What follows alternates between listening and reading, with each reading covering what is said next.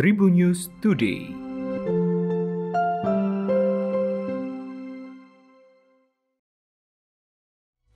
Halo Tribuners, berjumpa kembali bersama Hakim di Tribun News Today. Hakim akan berbagi informasi menarik hari ini mulai dari informasi nasional, regional, selebritis hingga olahraga.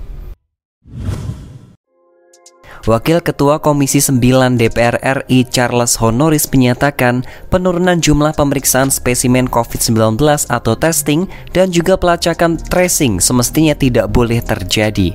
Apalagi pemerintah berencana melonggarkan PPKM level 4 pada 26 Juli 2021. Dia mengingatkan kesalahan data akan membuat segala upaya dan pengorbanan selama ini akan sia-sia. Charles meminta pemerintah untuk meningkatkan jumlah testing. Kondisi darurat seperti ini katanya sudah seharusnya meningkatkan jumlah testing bukan malah menurunkannya. Dengan jumlah testing dan tracing yang tinggi, ia berharap data angka penularan dapat mendekati kondisi sebenarnya sehingga pemerintah dapat mengambil keputusan yang tepat pada akhir masa PPKM level 4 nanti. Di samping itu, Charles juga mengingatkan kepada pemerintah untuk memperbanyak sarana dan prasarana isolasi mandiri sebagai upaya penanganan pasien COVID-19.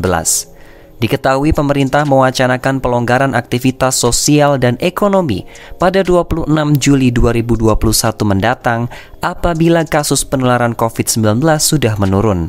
Dalam beberapa hari terakhir, kasus penularan COVID-19 memang menurun, tetapi hal itu diikuti oleh turunnya jumlah spesimen COVID-19 yang diperiksa setiap harinya. Ahli epidemiologi dari Griffith University Australia, Diki Budiman mengatakan, penurunan kasus jelas disebabkan jumlah pemeriksaan spesimen yang menurun. Tenaga kesehatan atau nakes di Provinsi Jawa Barat bisa tersenyum lebar pasalnya dana insentif mereka akan segera dicairkan. Pemprov Jawa Barat menyatakan akan menyelesaikan pembayaran dana insentif dengan penanganan COVID-19 pada Juli 2021. Kepala Dinas Kesehatan Jawa Barat Nina Susana Dewi menyebutkan semua rumah sakit yang ditunjuk menangani COVID-19 sudah mengajukan pencairan insentif untuk tenaga kesehatan. Sebelumnya pembayaran dana insentif nakes yang menangani COVID-19 sempat terhambat Salah satu faktornya karena belum semua rumah sakit mengajukan dan adanya peraturan baru Kemenkes nomor 12 tahun 2021 dan perubahan nomenklatur dalam Permendagri yang baru turun pada April 2021. Untuk dana insentif nakes penanganan COVID-19, Pemda Provinsi Jawa Barat menganggarkan 59,2 miliar dalam APBD tahun anggaran 2021. Menurut Kepala Badan Pengelola Keuangan dan Aset Daerah Jawa Barat Nanin Hayani Adam, dana bukan kendala terhambatnya pembayaran insentif tenaga kesehatan. Di Jawa Barat sendiri terdapat lebih dari 41 ribu tenaga kesehatan yang menerima insentif penanganan COVID-19. Mereka terdiri dari dokter spesialis, dokter umum, perawat, dan tenaga medis lainnya yang masing-masing mendapatkan insentif yang bervariasi. Artis Amanda Manopo tengah dirundung kesedihan lantaran sang ibunda, Henny Manopo, dikabarkan positif COVID-19. Kini Henny Manopo sedang menjalani perawatan intensif di ruang ICU salah satu rumah sakit di Jakarta. Lewat unggahan Instagram story-nya at pada Rabu 21 Juli 2021, ia membagikan fotonya bersama ibunda yang berlatar belakang hitam putih. Perempuan yang akrab disapa Amanda tersebut menuliskan rasa pilunya dan permintaan maafnya kepada Henny Manopo karena tidak bisa menemani. Meski tak bisa menemani, Amanda Manopo tetap memberikan doa yang terbaik untuk sang ibunda. Manda tidak lupa turut mengungkapkan rasa sayangnya kepada wanita yang melahirkannya itu. Lawan main Arya Saloka di sinetron Ikatan Cinta RCTI ini berharap ibunda kuat melawan penyakitnya dan sembuh seperti sedia kala. Bukan hanya Hendy Manopo yang terpapar COVID-19, ayah dari Amanda Manopo Ramon Gauna juga terinfeksi virus COVID-19. Sebelumnya pada Minggu 11 Juli 2021, Amanda Manopo mengabarkan bahwa kedua orang tuanya sedang jatuh sakit. Melalui Instagram pribadinya at Amanda Manopo, ia mengunggah foto kedua orang tuanya dengan latar belakang warna hitam putih.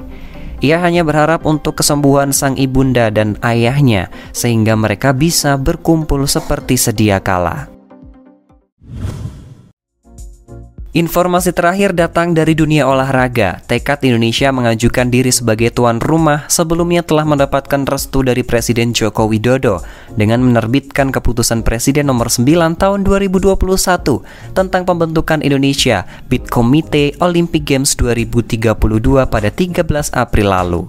Pengarah dari kegiatan ini diketahui Wakil Presiden yang dibantu Menko PMK sebagai Wakil Ketua serta sejumlah anggota termasuk Sekretaris Kabinet. Sementara itu posisi penanggung jawab diberikan kepada Menpora Zainuddin Amali dan ketua pelaksana yang dipimpin oleh Ketua NOK Indonesia Raja Sabta Oktahari. Kini baru saja diumumkan Indonesia gagal menjadi tuan rumah Olimpiade 2032 setelah IOC memilih Brisbane yang berhak menjadi host Olimpiade 2032. Menanggapi hal itu, Menpora Amali lebih dulu menunggu laporan tertulis dari NOK Indonesia. Sementara itu, soal masa kerja Inakcok hingga 31 Desember 2024 dan sebelumnya itu Indonesia sudah diputuskan gagal menjadi tuan rumah Olimpiade 2032. Menpora Amali mengatakan bahwa dirinya akan melakukan rapat internal terlebih dahulu sebelum hal itu baru melaporkan kepada presiden. Seperti yang kita ketahui, Ketua Umum NOK Indonesia Raja Sabta Oktohari sebelumnya mengatakan meski gagal di 2032, dirinya bertekad mengambil kesempatan bidding di empat tahun selanjutnya sehingga bisa mendapatkan status targeted dialog seperti halnya yang dilakukan oleh Brisbane yang mendapatkan di tahun 2032. Demikian tadi empat informasi terupdate hari ini. Jangan lupa untuk terus mendengarkan Tribunnews Today hanya di Tribunnews Podcast dan juga YouTube tribunnews.com. Tetap patuhi protokol kesehatan 3M, memakai masker, mencuci tangan dan menjaga jarak atau menjauhi kerumunan. Saya Hakim pamit, salam sehat untuk semua. Tribunnews Today.